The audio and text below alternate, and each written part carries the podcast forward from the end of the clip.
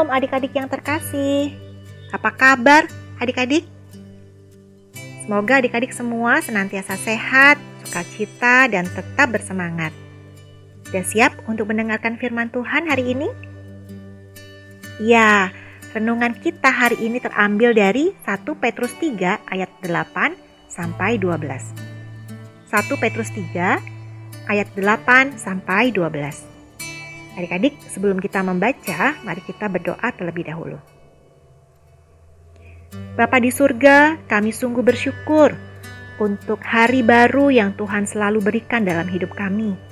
Terima kasih juga untuk berkat-berkat yang kami boleh terima, kesehatan, kebersamaan dengan keluarga, kami sungguh bersyukur. Saat ini kami mau membaca dan mendengarkan serta merenungkan firman Tuhan Pimpinlah kami ya Roh Kudus, supaya kami mengerti kehendak, kehendak Tuhan dan mau melakukannya dalam hidup kami. Terima kasih Tuhan, hanya di dalam nama Tuhan Yesus Kristus kami berdoa. Amin.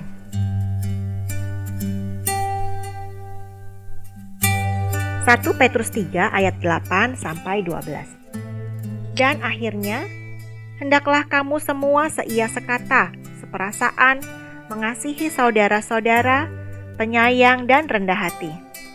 Dan janganlah membalas kejahatan dengan kejahatan atau caci maki dengan caci maki. Tetapi sebaliknya, hendaklah kamu memberkati, karena untuk itulah kamu dipanggil, yaitu untuk memperoleh berkat. Sebab, siapa yang mau mencintai hidup dan mau melihat hari-hari baik, ia harus menjaga lidahnya terhadap yang jahat dan bibirnya terhadap ucapan-ucapan yang menipu. Ia harus menjauhi yang jahat dan melakukan yang baik. Ia harus mencari perdamaian dan berusaha mendapatkannya. Sebab mata Tuhan tertuju kepada orang-orang benar dan telinganya kepada permohonan mereka yang minta tolong.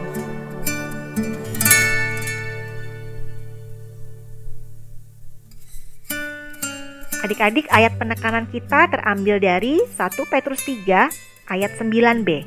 Kita baca bersama ya.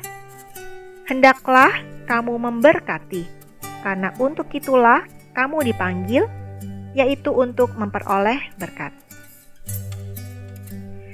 Adik-adik, mungkin sebagian di antara adik-adik ada yang tahu ya, di Bandung ada sebuah jalan yang sangat terkenal, yaitu Jalan Pastur.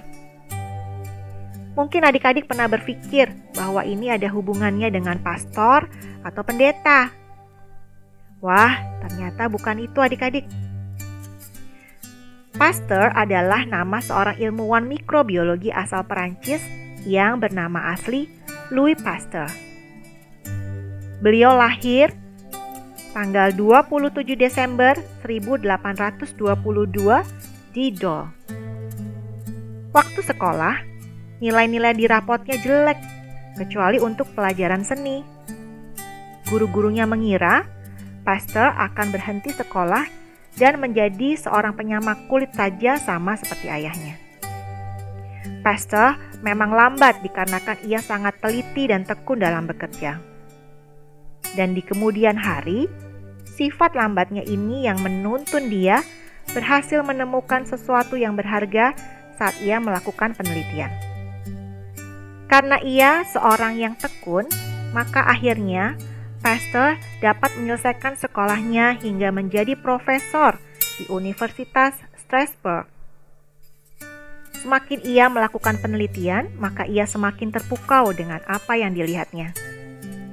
Dan ia mempercayai ini merupakan ciptaan artistik dari Allah, Sang Pencipta yang ia sembah dan percayai. Adik-adik saat itu di Prancis, banyak sekali keluarga yang menggantungkan hidupnya pada industri anggur. Namun anggur yang dihasilkan sering kali rusak, menjadi asam dan pahit. Pasteur mengadakan per, uh, percobaan dengan membunuh mikroba atau makhluk hidup yang sangat kecil pada kaldu, sehingga kaldu tidak menjadi rusak atau basi. Nah, ia kemudian mencobanya juga pada anggur. Ia memanaskan anggur secukupnya untuk membunuh sebagian besar mikroba dan proses pendinginan membuat sisa mikroba tidak bisa berkembang biak. Proses ini ia lakukan juga pada susu, untuk mencegah susu menjadi asam.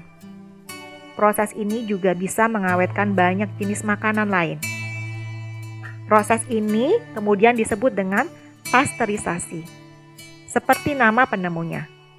Inilah penghargaan yang ia terima.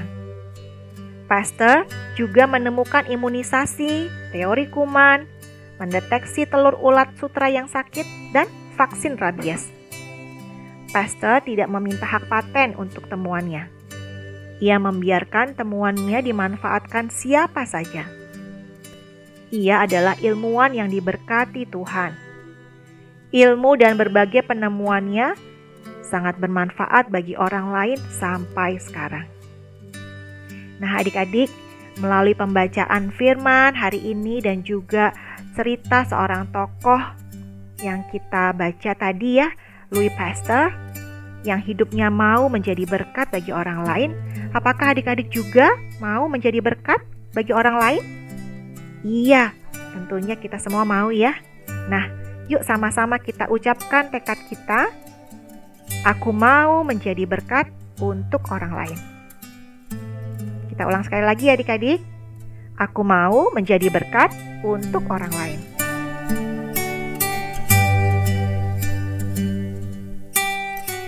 Nah, adik-adik, mari kita berdoa. Bapa di surga, kami bersyukur karena apa yang kami butuhkan selalu disediakan oleh Tuhan. Tolong kami untuk menjadi berkat bagi orang lain. Terima kasih ya Tuhan, hanya di dalam nama Tuhan Yesus kami berdoa. Amin. Demikian pembacaan firman Tuhan kita hari ini adik-adik. Sampai jumpa lagi esok. Tuhan Yesus memberkati.